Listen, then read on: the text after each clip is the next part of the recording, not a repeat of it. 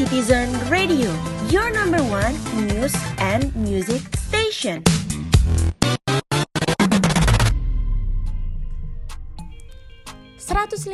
Enam FM siaran praktikum komunikasi sekolah vokasi IPB. Halo, selamat pagi Metropol. Gimana nih kabarnya pada pagi hari ini? Semoga di mana pun kalian berada, kalian selalu dalam keadaan yang baik ya. Pagi ini kita berdua senang banget bisa kembali hadir menyapa Metropol semua. Di mana lagi kalau bukan di program acara Betterin aja berita terkini, aktual dan terpercaya bersama aku Fofo dan aku Uli. Betterin aja berita terkini, aktual dan terpercaya. Seperti biasa nih, pada pagi hari ini aku dan Uli bakal nemenin Metropol semua selama 60 menit ke depan di edisi Senin 12 Oktober 2020. Oke deh, sebelum masuk informasi yang pertama, kita berdua bakal muterin lagu untuk Metropol semua supaya tetap semangat dalam memulai aktivitasnya pada pagi hari ini. Nah, bener banget nih Metropol. Sebelum kita muterin lagunya untuk next playlist, Metropol bisa request langsung via DM ke Instagramnya kita di Citizen Radio dengan format nama penyanyi dan judul lagu. Langsung aja ini dia lagu Make You Mine dari Public, lagu yang lagi hype banget sekarang di kalangan anak muda. Check this out.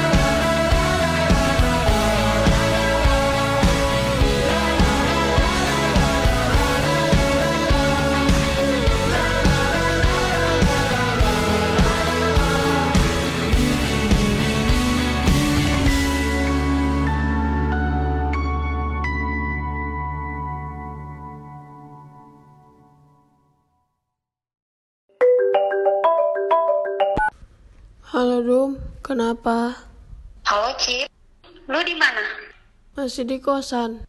Emang kenapa? Wah, di kosan. Kita kan ada presentasi jam 9, Cip. Demi apa? Gue lupa banget, Dum. Ya udah deh, lu buru-buru ke sini. Oke, oke.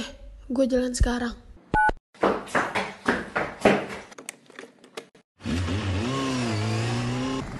Ya, lampu merah lagi. Gimana nih? Kalau gue berhenti, ntar gak keburu. Udah deh, gue terobos aja.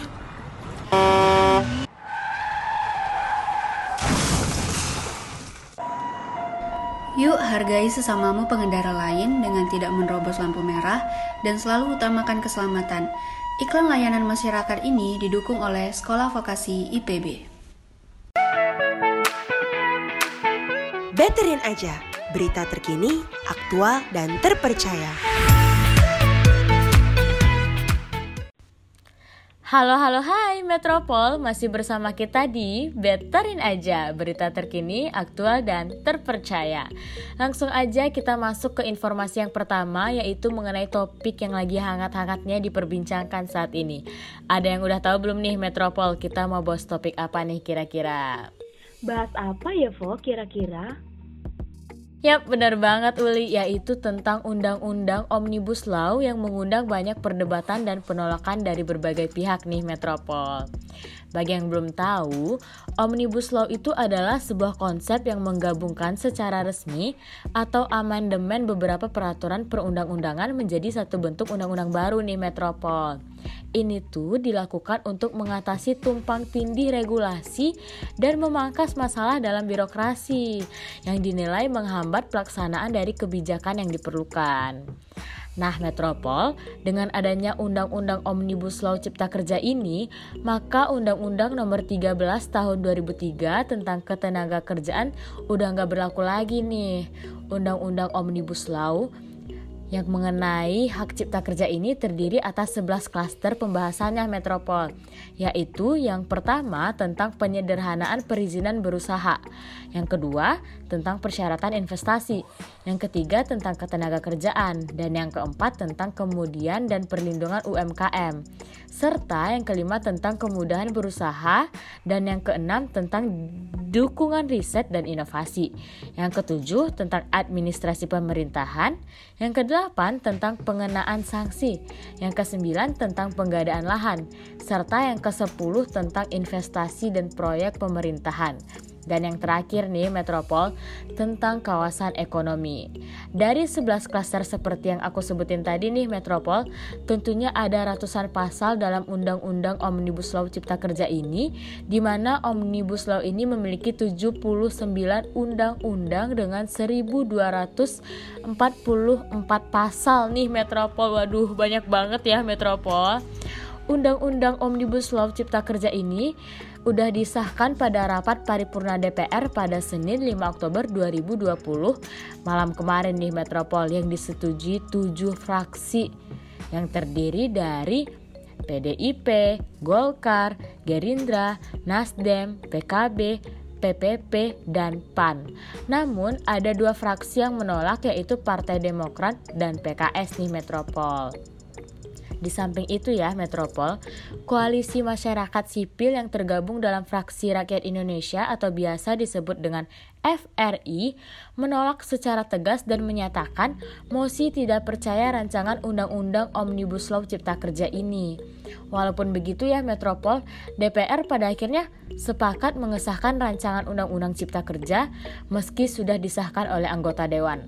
Rancangan Undang-Undang Omnibus Law Cipta Kerja ini harus melewati serangkaian proses untuk benar-benar menjadi undang-undang loh Metropol. Ya, jadi harus disetujui DPR dan wakil pemerintah terlebih dahulu dan kemudian diserahkan ke presiden untuk dibubuhkan tanda tangan dan terdapat keterangan pengesahan serta diundangkan dalam lembaga negara metropol. Nah, jika rancangan undang-undang tersebut tidak ditandatangani oleh presiden dalam kurun waktu paling lama 30 hari terhitung sejak rancangan undang-undang disetujui bersama, maka rancangan undang-undang tersebut sah menjadi undang-undang dan wajib diundangkan oleh Kementerian Hukum dan Hak Asasi Manusia atau Kemenkumham HAM di Milen Nih Metropol maaf maaf banget ya aku salah. Nah jadi gini nih Metropol pada dasarnya ya Rancangan undang-undang ini tuh dilakukan untuk mengatasi tumpang tindih dan memangkas masalah dalam birokrasi. Tetapi pada nyatanya rancangan undang-undang ini malah banyak menuai perdebatan Serta penolakan dari berbagai kalangan. Jadi kali ini aku bakal ngebahas pasal-pasal yang disebut bermasalah dari RUU Cipta Kerja. Nah, berikut pasal yang disebut bermasalah dari RUU Cipta Kerja tersebut nih. Yang pertama dilansir dari Tirto ID yang pertama ada pasal 77A nih Metropol. RUU Cipta Kerja menambahkan pasal 77A yang memungkinkan peningkatan waktu kerja lembur untuk sektor tertentu. Pasal 77A yang memungkinkan peningkatan waktu kerja lembur untuk sektor tertentu ini berisikan mengenai pengusaha dapat memberlakukan waktu kerja yang melebihi ketentuan sebagaimana dimaksud dalam pasal 77A ayat 2. Nah, pasal ini berisikan untuk jenis pekerjaan atau sektor usaha tertentu nih. RUU Cipta Kerja juga akan menghapuskan batas waktu maksimal untuk pekerja kontrak serta aturan yang mewajibkan sistem pengangkatan otomatis. Jadi sistem pengangkatan otomatis dari pekerja kontrak yang sementara ke status pegawai tetap. Pada pasal 88C, RUU Cipta Kerja juga menambahkan uh, pasal 88C ini tadi berisikan tentang penghapusan upah minimum kota atau kabupaten sebagai dasar upah minimum pekerja nih.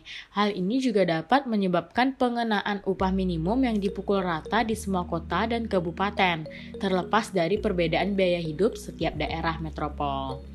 Dilanjutkan pada pasal 88D dalam RUU Cipta Kerja, tingkat inflasi tidak lagi menjadi pertimbangan dalam menetapkan upah minimum. Jadi, penghapusan inflasi dan biaya hidup sebagai kriteria penetapan upah minimum akan melemahkan standar upah minimum di provinsi dengan pertumbuhan ekonomi mendekati nol atau negatif seperti Papua, kata Usman Hamid. Direktur Eksekutif Amnesty International Indonesia. Nah, jadi dilanjutkan pada pasal 91 nih Metropol. Pasal 91 dari Undang-Undang Ketenaga Kerjaan juga dihapus nih karena pasal ini memuat tentang kewajiban pengusaha untuk membayar upah pekerja dengan gaji yang sesuai dengan standar upah minimum dalam peraturan perundang-undangan. Lalu pada pasal 93 ayat 2, jadi dalam pasal 93 ayat 2 RUU Cipta Kerja ini juga mengubah mengenai ketentuan cuti yang tertuang dalam pasal 93 ayat 2 Undang-Undang Ketenagakerjaan. RUU ini menghapus cuti khusus atau izin tak masuk saat hari pertama bagi perempuan. Ya gimana ya metropol rada sulit ya sih Nah, dilanjutkan pada pasal 88 nih dalam Undang-Undang Nomor 32 Tahun 2009 tentang Perlindungan dan Pengelolaan Lingkungan Hidup dapat menjerat pelaku pembakaran hutan dan lahan atau yang dapat kita singkat sebagai karhutla. Tetapi pemerintah juga menghapusnya di RUU Cipta Kerja Metropol. Selanjutnya ada pasal 11 nih. Hari Siswoyo mengatakan, RUU Cipta Kerja berpotensi mengancam nilai-nilai kebebasan pers bagi jurnalis karena akan terjadi perubahan isi dari pasal 11 Undang-Undang Pers yang sebelumnya berbunyi penambahan modal asing pada perusahaan pers dilakukan melalui pasar modal atau berubah menjadi pemerintah pusat mengembangkan usaha pers melalui penanaman modal sesuai dengan ketentuan peraturan perundang-undangan di bidang penanaman modal. Nah, jadi pengubahan pasal ini menurut Hari berpotensi membuat pemerintah kembali mengatur pers sebelum Undang-Undang Pers pada tahun 1999 yang dirancang oleh Insan Pers. Nah, dan kemudian menjadi pedoman seluruh pasal 51 ayat 1. Pengelolaan satuan pendidikan formal dilakukan oleh pemerintah pusat, pemerintah daerah, atau masyarakat. Dilanjutkan pada pasal 62 ayat 1, syarat untuk memperoleh perizinan berusaha meliputi isi pendidikan, jumlah dan kualifikasi pendidikan dan tenaga kependidikan, sarana dan prasarana pendidikan, pembiayaan pendidikan, sistem evaluasi dan sertifikasi, serta manajemen dan proses pendidikan. Nah, jadi pada pasal 71 penyelenggaraan satuan pendidikan yang didirikan tanpa perizinan berusaha meliputi isi pendidikan serta jumlah-jumlah dan sarana-sarana pendidikan. Jadi, uh, Metropol pada pasal 71 penyelenggaraan satuan pendidikan yang didirikan tanpa perizinan berusaha dari pemerintah pusat sebagaimana dimaksud dalam pasal 62 ayat 1 yang berisikan dipidana dengan pidana penjara paling lama 10 tahun dan atau pidana denda paling banyak 1 miliar.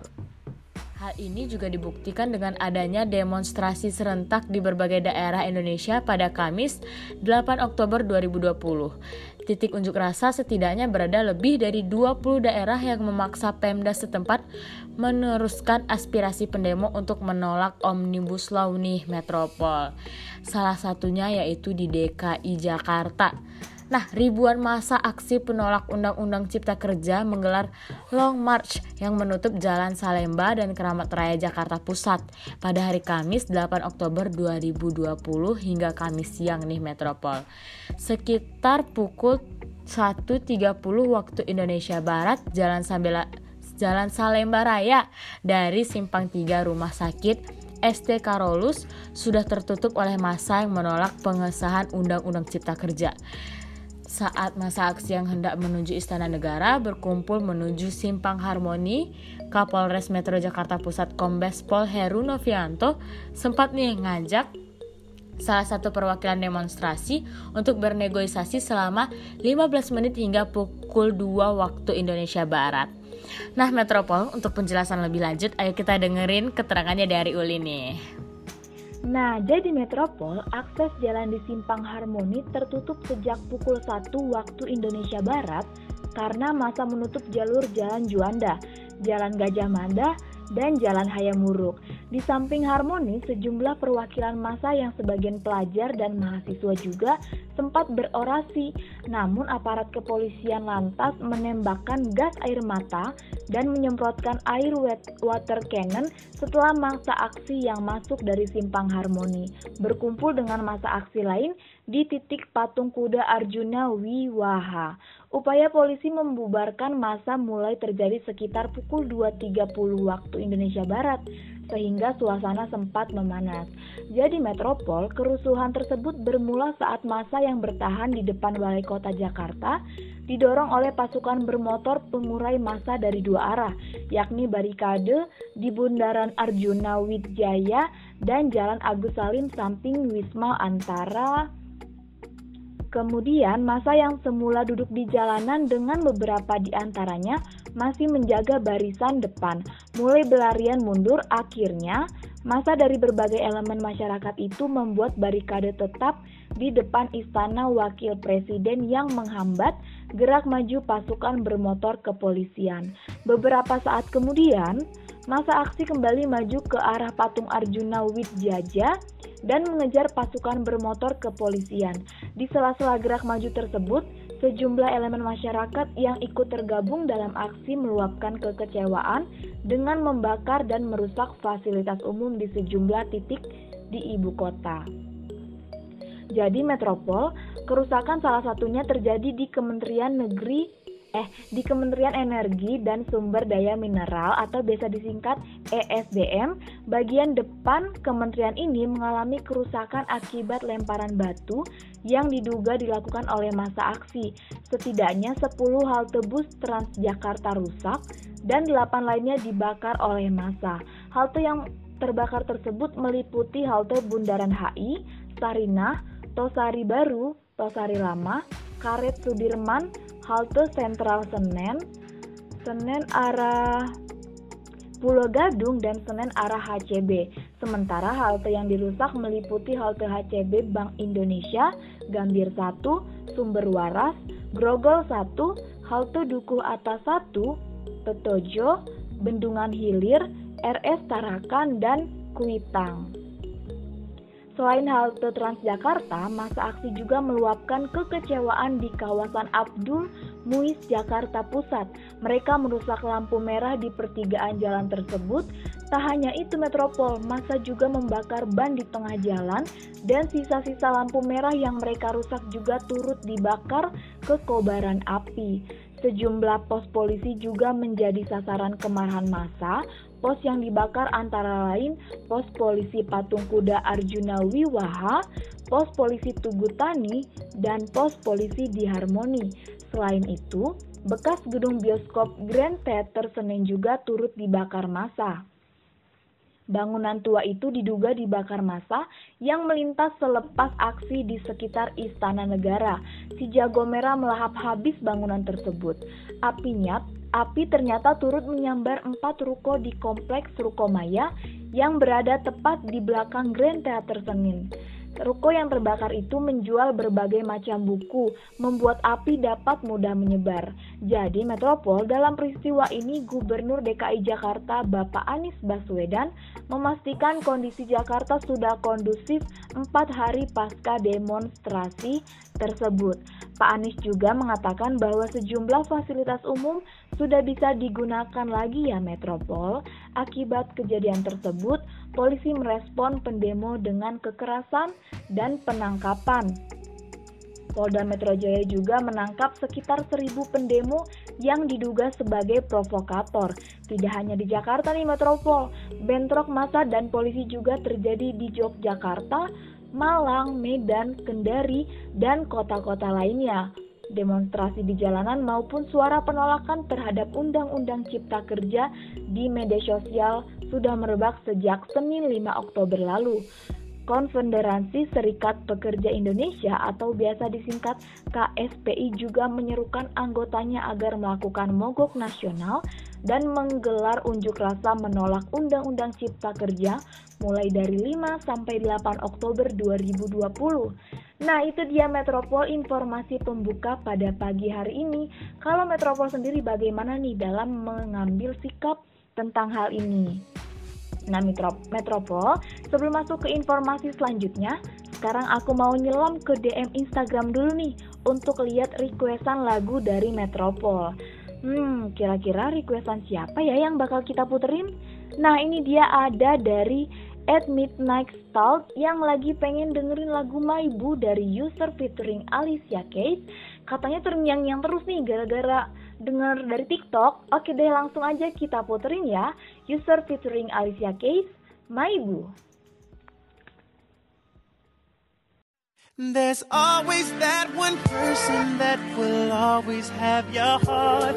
You never see it coming cause you're blinded from the start. Know that you're that one for me.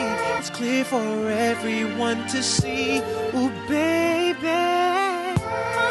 Yeah. You gotta rock and wait in this one. Oh, come on. See, I don't know about y'all, but I know about us. And uh, it's the only way we know how to rock. I don't know about y'all, but I know about us. And uh, it's the only way we know how to rock. Do you remember, girl?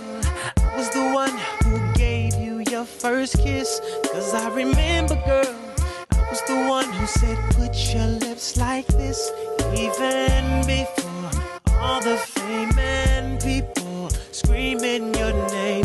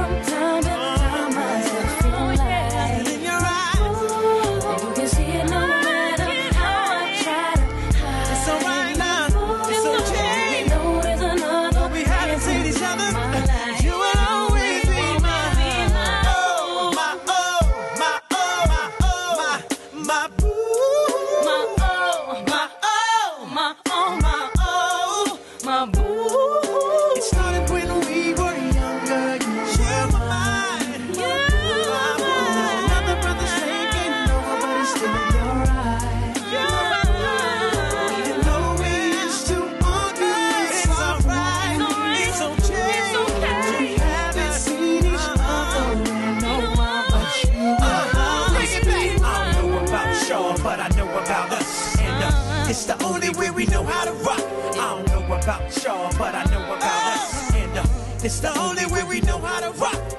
Started when we were younger. Now the brother's taking over.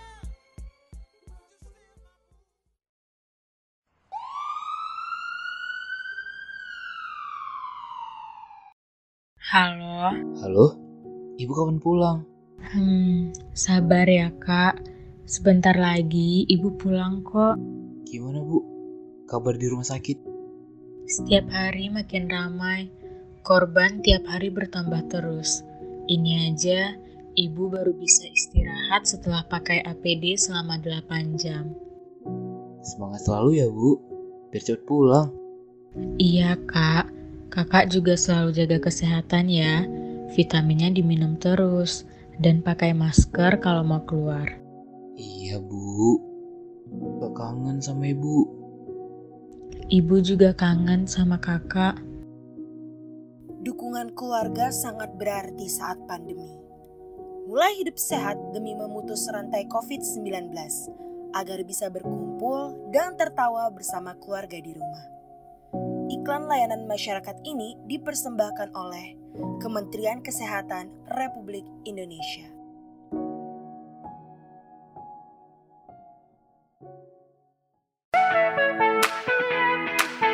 Betterin aja, berita terkini, aktual, dan terpercaya. Masih bersama kita di Betterin Aja, berita terkini, aktual, dan terpercaya. Nah, Uli, tahu nggak sih rata-rata anak zaman sekarang tuh lagi pada demen banget nih sama K-pop.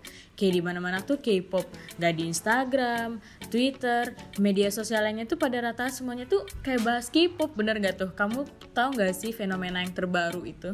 Yap, Uli juga merasakan hal yang sama loh, Po. Sama kayak Popo banget nih ngerasain ya. Uli juga ada informasi menarik seputar K-pop. Oh iya, apaan tuh Li kalau boleh tahu? Di mana sebenarnya awal mula K-pop sendiri itu sejak tahun 2000-an. Tahun itu menjadi momentum awal penetrasi budaya Korea atau K-pop dari Korea Selatan ke generasi muda di seluruh dunia. Istilah itu disebut dengan The Korean Wave atau gelombang Hallyu yang artinya mengekspor segala budaya pop, hiburan, musik, drama TV, dan film dari negeri gingseng tersebut. Lalu sekitar tahun 2011, industri K-pop mulai melirik potensi pasar di Indonesia dan gelombang Hallyu pun kian terasa. Kalau dilihat-lihat, mayoritas artis K-pop yang digemari orang Indonesia itu merupakan boy band atau beberapa laki-laki yang tergabung dalam satu grup.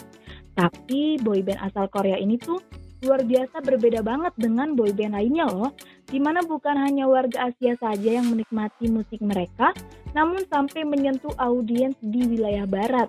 Kenapa sih? Karena musik K-pop sendiri berhasil membuat mayoritas masyarakat mengandrunginya.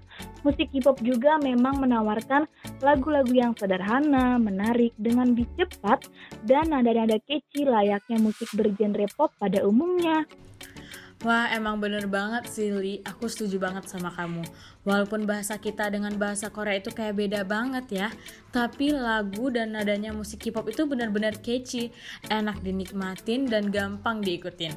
Ya, aku juga salut banget sih sama K-popers ini, di mana konser K-pop itu sendiri sering diadakan di ibu kota Jakarta pastinya sebelum masa pandemi ya, di mana euforia para K-popers ini benar-benar kayak luar biasa banget nih.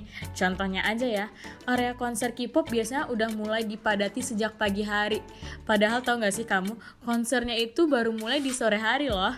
Dan di lokasi konser pun jumlah fans yang hadir berkali-kali lipat lebih banyak. Ya sehingga untuk mendapatkan tiket menonton konser aja tuh kayak butuh perjuangan loh, butuh effort banget.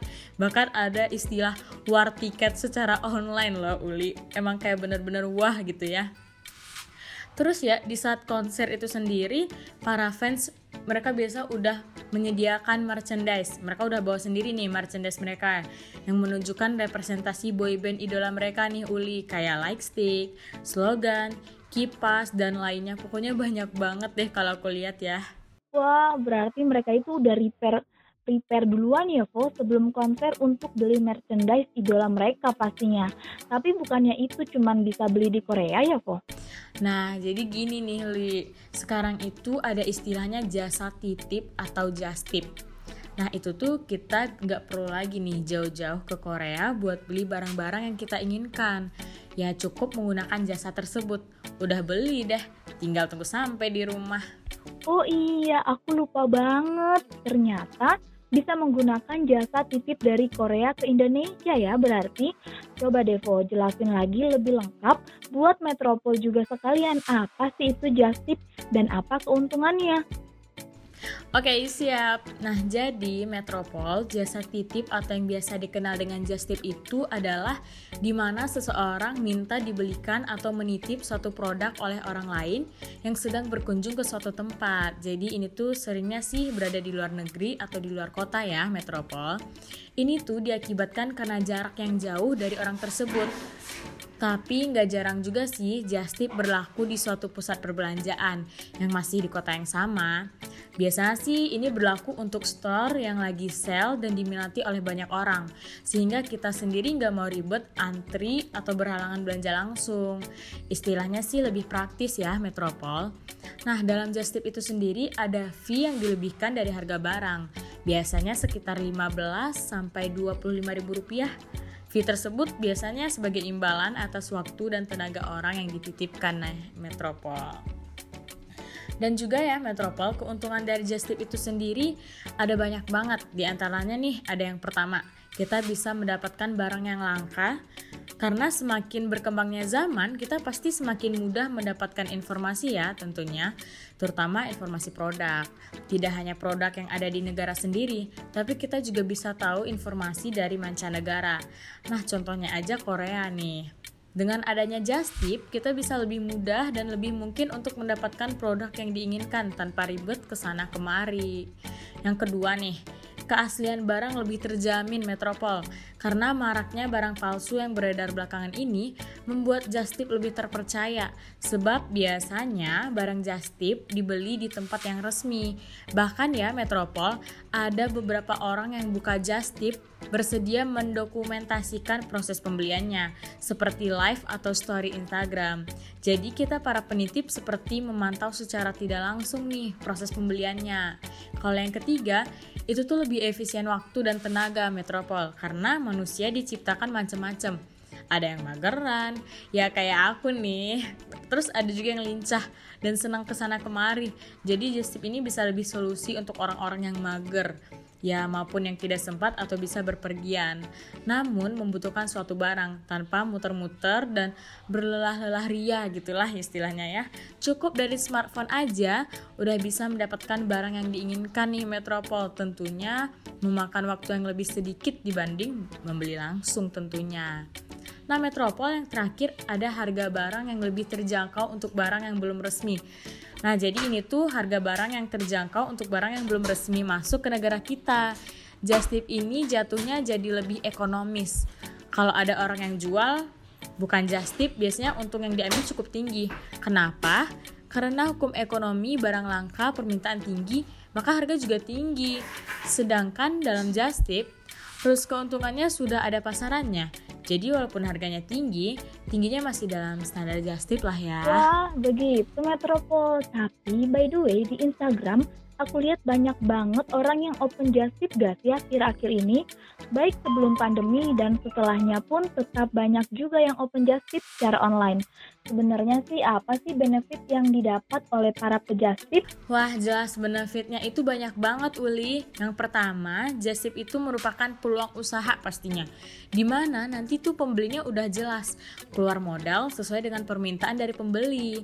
Dan biasanya untuk menghindari hit and run, pembeli sudah melakukannya sesuai DP dan ketentuannya. Nah, yang kedua, Just Tip juga menambah pemasukan. Kalau ini konteksnya sambilan ya, jadi bukan memang fokus nyari nafkah di Open Just Tip, tapi kayak ya udah selewat aja gitu, bisa sambil liburan atau lagi dinas kantor. Open Just Tip lah ya, biar rekening gak kosong-kosong amat. Nah, yang ketiga itu memuaskan hobi. Tahu nggak sih Uli, beberapa orang itu emang ada yang seneng banget dititipin. Kadang kita tuh kayak segen ya, minta tolong titip beliin ini dong, beliin itu dong. Tapi malah ada orang yang nawarin nih. Nah biasanya nih buat orang-orang yang kayak gitu mereka tuh menyalurkan hobinya. Dan yang terakhir, jadi tahu nih kita produk-produk baru dan hits. Orang kan maunya macem-macem ya. Dari sini kita jadi banyak tahu nih tentang produk-produk apa aja sih yang dipakai dan diminati orang. Hitung-hitung ya untuk referensi bagi diri sendiri. Nah, kita bakal bahas lebih lanjut mengenai perjastipan dengan ahlinya aja langsung nih. Di mana kali ini kita kedatangan narasumber yang udah berkecimpung di bidang jastip cukup lama. Usianya juga masih muda banget sih dan udah punya dua orang anak loh. Bisa dibilang dia ini seorang entrepreneur sekaligus mamah muda di ibu kota. Bener banget kok, aku udah gak sabar banget nih ngobrol-ngobrol sama Mbak Cantik yang satu ini. Langsung aja kita panggil, ini dia Mbak Shania Purnama. Halo Mbak. Halo Fofo, halo Uli, dan halo juga pendengar semuanya. Halo juga Mbak, kali ini kita mau ngobrolin tentang apa ya Po sama Mbak Shania? Nah, jadi gini nih Uli, kita bakal ngobrolin banyak hal nih seputar gaya hidup mama muda di ibu kota, terus juga seputar bisnis, parenting, dan pastinya banyak tips-tips bermanfaat yang menarik lainnya. Wah, pasti bakal seru banget ya. Mbak Shania, boleh perkenalkan diri terlebih dahulu nggak nih sama Metropol semua? Oke, boleh-boleh. Uh, halo Metropol semua, nama aku Sania. Aku ibu dari dua orang anak, umur aku 24 tahun. Uh, kebetulan aku juga owner dari jasa titip barang Titipin Aja Kak di Instagram. Pertama, kita bahas soal bisnis dulu nih Mbak Shania. By the way, aku juga salah satu followers dari etitipin ajaka di Instagram loh. Aku sering stalk juga itu tuh jasa titip barang dari Korea ke Indonesia, ya kan Mbak? Eh, boleh juga sambil ceritain nih, bagaimana mula buka jasa titip ini. Wah, benar banget, Li. Jadi, titipin aja Kak itu merupakan jasa titip barang dari Korea ke Indonesia. Udah berdiri sekitar 5 tahun dari 2015. Awalnya sih aku emang hobi traveling dari zaman kuliah. Bolak-balik Korea Indonesia bisa sampai dua kali lah sebulan buat nonton konser K-pop doang. Wah, Mbak Shania K-popers nih ternyata. Iya, aku K-popper, Po. Tapi udah hiatus sih sekarang karena udah punya anak. Uh, jadi teman-teman aku tuh suka nitip barang-barang kayak skincare, makeup, baju, pokoknya fashion-fashion Korea gitu. Terus juga merch-merch K-pop ya, kayak album dan lain-lain gitulah. Terus aku kepikiran nih, gimana kalau aku buka jasa titip barang-barang dari Korea ke Indonesia. Secara kan aku emang suka banget nih shopping dan traveling. Jadi emang mau cari kerjaan yang sesuai sama hobi dan passion aku. Karena prinsip aku sih kalau kita seneng ngelakuin sesuatu, pasti hasilnya maksimal dan kita juga nggak ngerasa terbebani sih pastinya. Nah, setuju banget ya sama perkataan Mbak Shania tadi. Selama Mbak Justip kurang lebih lima tahun, apa sih Mbak kira-kira hambatan dan juga masalah di dunia perjastipan? Masalah sih sering kenanya di bea cukai, custom atau pajak, di mana nominalnya tuh nggak sedikit, lumayan lah. Terus juga capeknya itu ngantri panjang banget untuk beberapa staff. Apalagi kalau barang-barang K-pop yang hits itu. Kita harus udah antri dari pagi banget. Dan kalau nggak dapet ya sedih sih. Customer juga kecewa dan kitanya juga capek. Nah, sekarang kan lagi di masa pandemi nih, Mbak. Di mana flight atau penerbangan Korea Indonesia tuh lagi dibatasi kan? Gimana nih solusi dari Mbak Shania itu sendiri dalam menghadapin hal ini? Karena sekarang udah era teknologi ya, di mana semua bisa diakses dari internet. Jadi aku selama era pandemi, karena nggak bisa bolak-balik Korea Indonesia dan juga sebaliknya, aku biasanya pesan online langsung dari websitenya, atau pakai jasa agensi pengiriman gitu, di mana aku pesan lewat web, dikirim ke alamat Korea mereka, terus di packing rapi, terus baru deh di send ke aku ke Indonesia. Terus emang aku juga beberapa tahun ini just tipnya dari rumah aja sih, pakai sistem online karena harus ngurus anak, jadi sangat tidak memungkinkan untuk bolak-balik kayak waktu kuliah dulu. Pas banget nih Mbak, Uli mau nanya ke Mbak Shania, gimana sih tips dan trik jadi seorang pebisnis tapi sambil ngurus anak juga? Awalnya sih emang rada keteteran banget ya, apalagi waktu mereka di masa aktif-aktifnya. Tapi aku emang udah punya tim dari awal sih, jadi aku lebih mantau aja gimana perkembangan dan progres mereka setiap hari. Biasanya sih kayak curi-curi waktu gitu, kalau si kecil lagi tidur siang atau lagi sekolah. Ya, aku juga ngurus kerjaan. Papanya juga support banget sama kerjaan aku. Jadi, kita juga suka bagi-bagi tugas. Kalau aku emang lagi ngurus banyak kerjaan, biasanya sih papanya yang main sama anak-anak. Karena bagaimanapun keluarga itu tetap nomor satu sih bagi aku. Hmm, oh ya mbak, aku habis stalk juga nih dari Instagramnya Mbak Shania. Kelihatannya sih sekecil nggak jauh beda nih umurnya yang pertama sama yang kedua ya mbak. Betul nggak tuh mbak? Gimana nih mbak merasa kerepotan gak sih kadang-kadang gitu? Iya bener Vo, Eh, nggak jauh beda umurnya. Si abang Raka tuh udah 7 tahun, terus adanya Kiara udah lima tahun. Alhamdulillahnya nih, mereka itu akur-akur aja, jarang berantem. Karena dari kecil tuh aku emang punya cara parenting yang cukup tegas sih. Di mana aku selalu ngajarin mereka untuk melindungi satu sama lain. Dan juga aku bukan tipe yang memanjakan anak sih. Jadi walaupun mereka masih kecil, mereka tuh harus tahu aturan dan cukup disiplin juga kalau aku bilang nggak boleh ya nggak boleh jadi menurut aku ya tidak terlalu merepotkan sampai buat sakit kepala lah intinya tapi namanya juga anak-anak ya kita harus sebagai orang tua juga harus paham sih apa kemauan mereka Wow, such a good parenting idea. Walaupun masih kecil, tapi Raka sama Tiara udah disiplin banget ternyata ya Mbak. Nah, kebetulan kita lagi live juga nih di Instagramnya Citizen Radio. Kita coba bacain pertanyaan yang masuk ya. Ini dari Siti Rachma. Mbak Shania, pengen tahu gimana kehidupan seorang mamah muda di ibu kota. Boleh dong sharing-sharing. Pertanyaannya menarik nih Mbak, boleh dijawab dulu ya. Oke, aku coba jawab ya. Sebenarnya menurut aku kehidupan dan gaya hidup aku sendiri sebagai mama muda ibu kota itu sama aja kayak mama muda yang lain. Aku masak, ngurus anak, beres-beres rumah, dan juga aku kerja. Yang bantu-bantuin sih ada di rumah, tapi namanya juga ibu-ibu, pasti getol banget kan kalau kerjaan itu bukan kita yang handle. Kerjaan orang tuh pasti ada aja kurangnya di mata kita. Kayak misalnya nih, Simba udah beresin kamar, tapi aku tetap aja beresin lagi karena ngerasa kurang puas aja gitu. Mungkin mama muda di ibu kota Jakarta sendiri terkenal ibu-ibu sosialita kali ya istilahnya.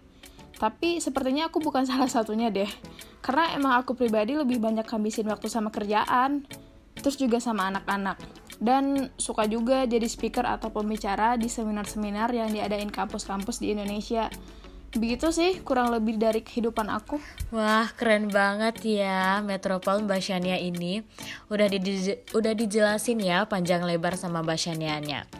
Aku pribadi tuh emang ngefans banget loh sama Mbak Shania Karena jujur ya, aku tuh udah follow akun Instagramnya Mbak Shania dari lama banget Dan selalu mantengin story IG-nya Mbak Shania tiap hari karena aku tuh ngerasa banyak banget nih dapat ilmu mulai dari bisnis, parenting, traveling, terus tips-tips fashion juga di IG-nya Mbak Shania.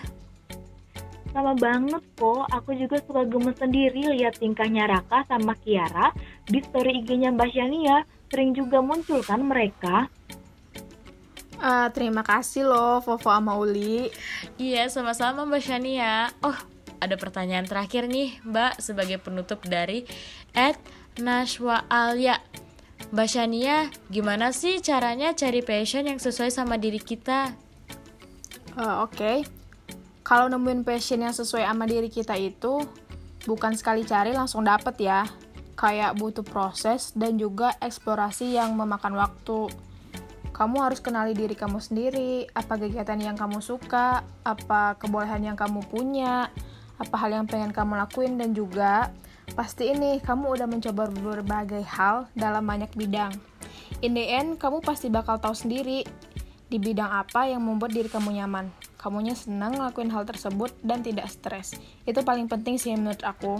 Berarti kalau itu semua udah ada di kamu, berarti itu passion Nah, kamu. itu dia Kayak ya, gitu sih. Metropol. Semangat ya, Etna Alia dalam menemukan passion kamu. Hah, sayang banget waktu kita bersama Mbak Shania udah habis Dan kita harus berpisah nih Uli sama Mbak Shania Terima kasih banyak ya Mbak Shania atas ilmu dan pelajaran hari ini Semoga bisa menginspirasi para metropol yang ada lagi dengerin kita hari ini Iya, sama-sama ya, Vo, sama Uli. Sehat selalu ya Mbak Shania. Jangan lupa salam juga nih buat Raka dan Kiara di rumah. Aku bakal puterin lagu requestan dari Mbak Shania sendiri nih tadi sebelum mulai siaran. Anggap aja nih Mbak, ini hadiah dari aku dan Vovo. Ini dia lagu dari BTS featuring Jason dan Jason Derulo, Savage. Showed up. What it do? Uh, yeah. Now, pimpin'. Oh boy. Uh. What y'all know about a supermodel? Fresh out of Air magazine. Buy her own bottles. Look, pimp juice, I keep it running. Bad than a mother. Oh, now. bad girl. Baby, if you're a bad oh, girl. Players, when you see me, act like you know me. I keep a dollar worth of dimes. You know, pimping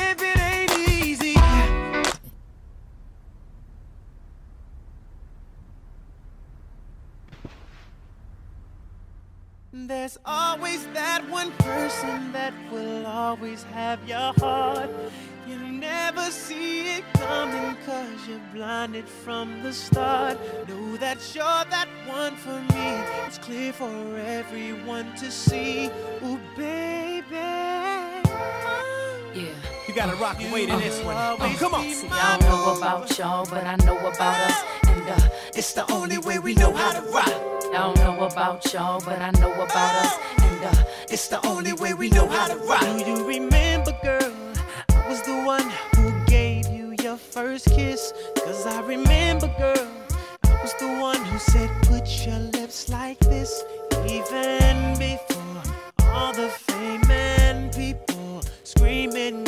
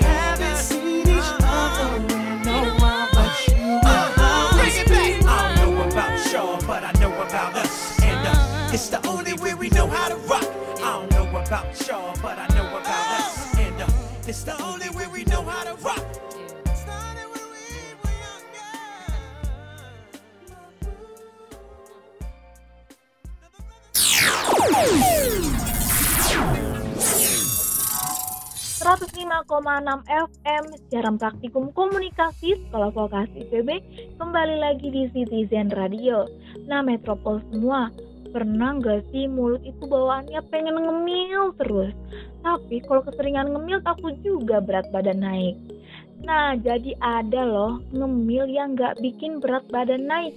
Jadi ada nih cemilan yang rendah kalori, yaitu namanya Fitbull. Snack sehat yang bebas kolesterol dan bebas lemak trans. Fitbull ini berbahan dasar dari Rice Krispy dan oat. Tersedia tiga varian rasa yaitu coklat, fruit, dan nut. Jadi tunggu apa lagi nih buat para metropol semua yang mau nyemil tanpa harus pusing mikirin jumlah kalori.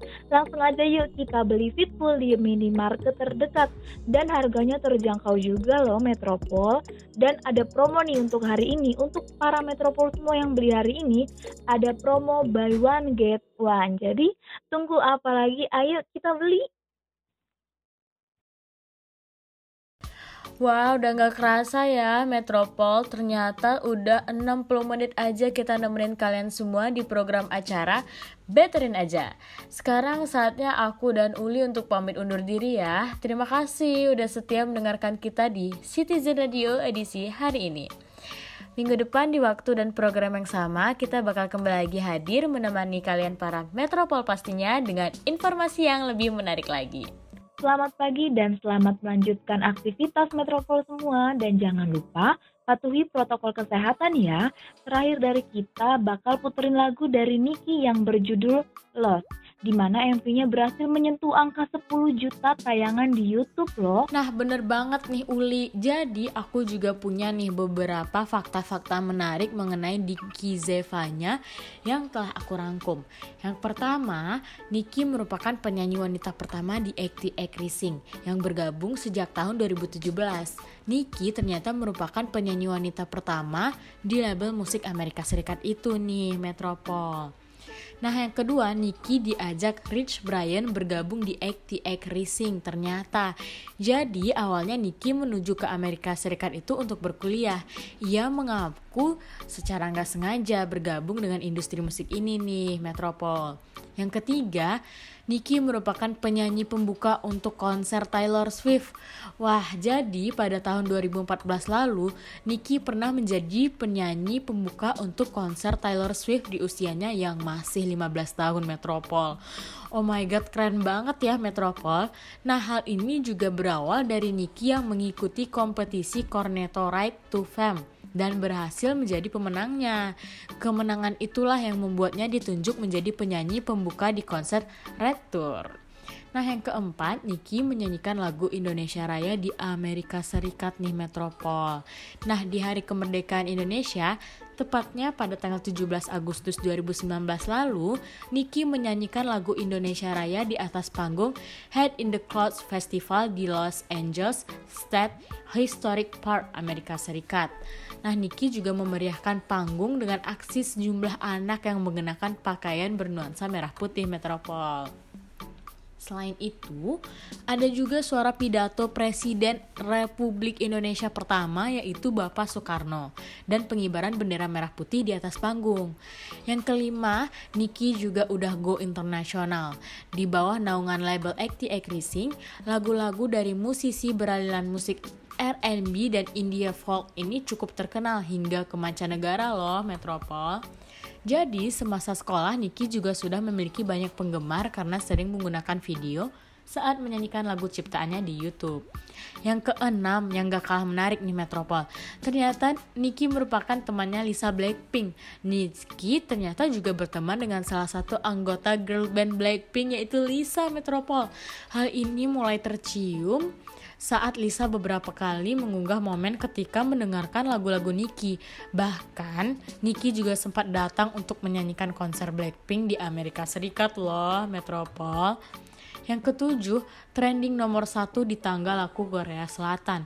Nicki juga kerap mencuri perhatian sejumlah media internasional, termasuk Face and Billboard. Tidak hanya itu, lagunya yang berjudul Spell juga sempat menjadi trending nomor satu di tangga lagu Korea Selatan loh, Metropol. Ini juga berkat dipromosikan oleh Lisa.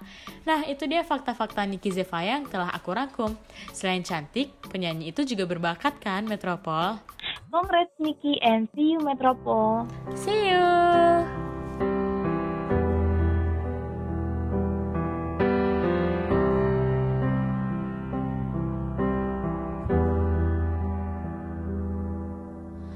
I will never know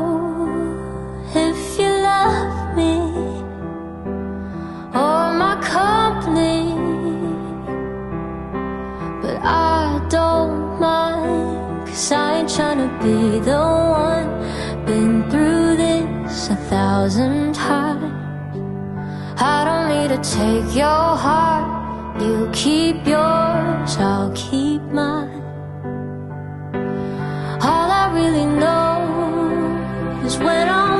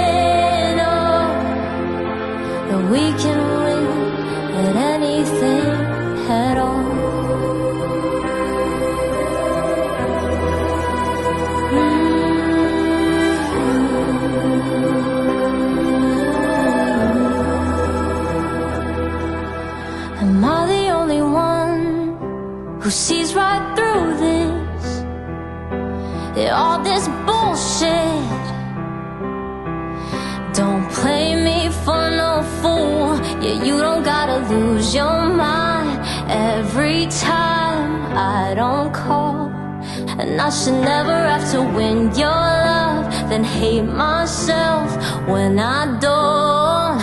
Oh, fickle as you are, that's exactly why I keep on running back. Cause I'm brittle at the parts where I wish I was strong. And baby, when you need my help, I like myself when it's over. But later in the night, you go dark and rogue, and I need closure. And I know whatever this is ain't love, so I'm going, I'm gonna let you go, let you go.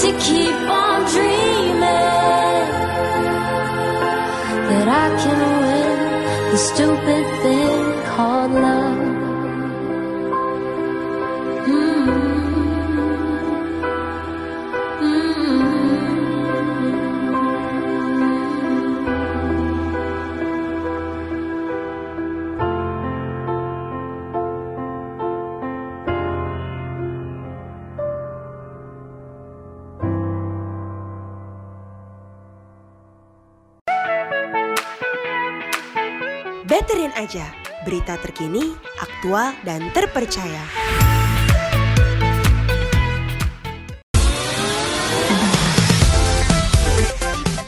Citizen Radio, your number one news and music station.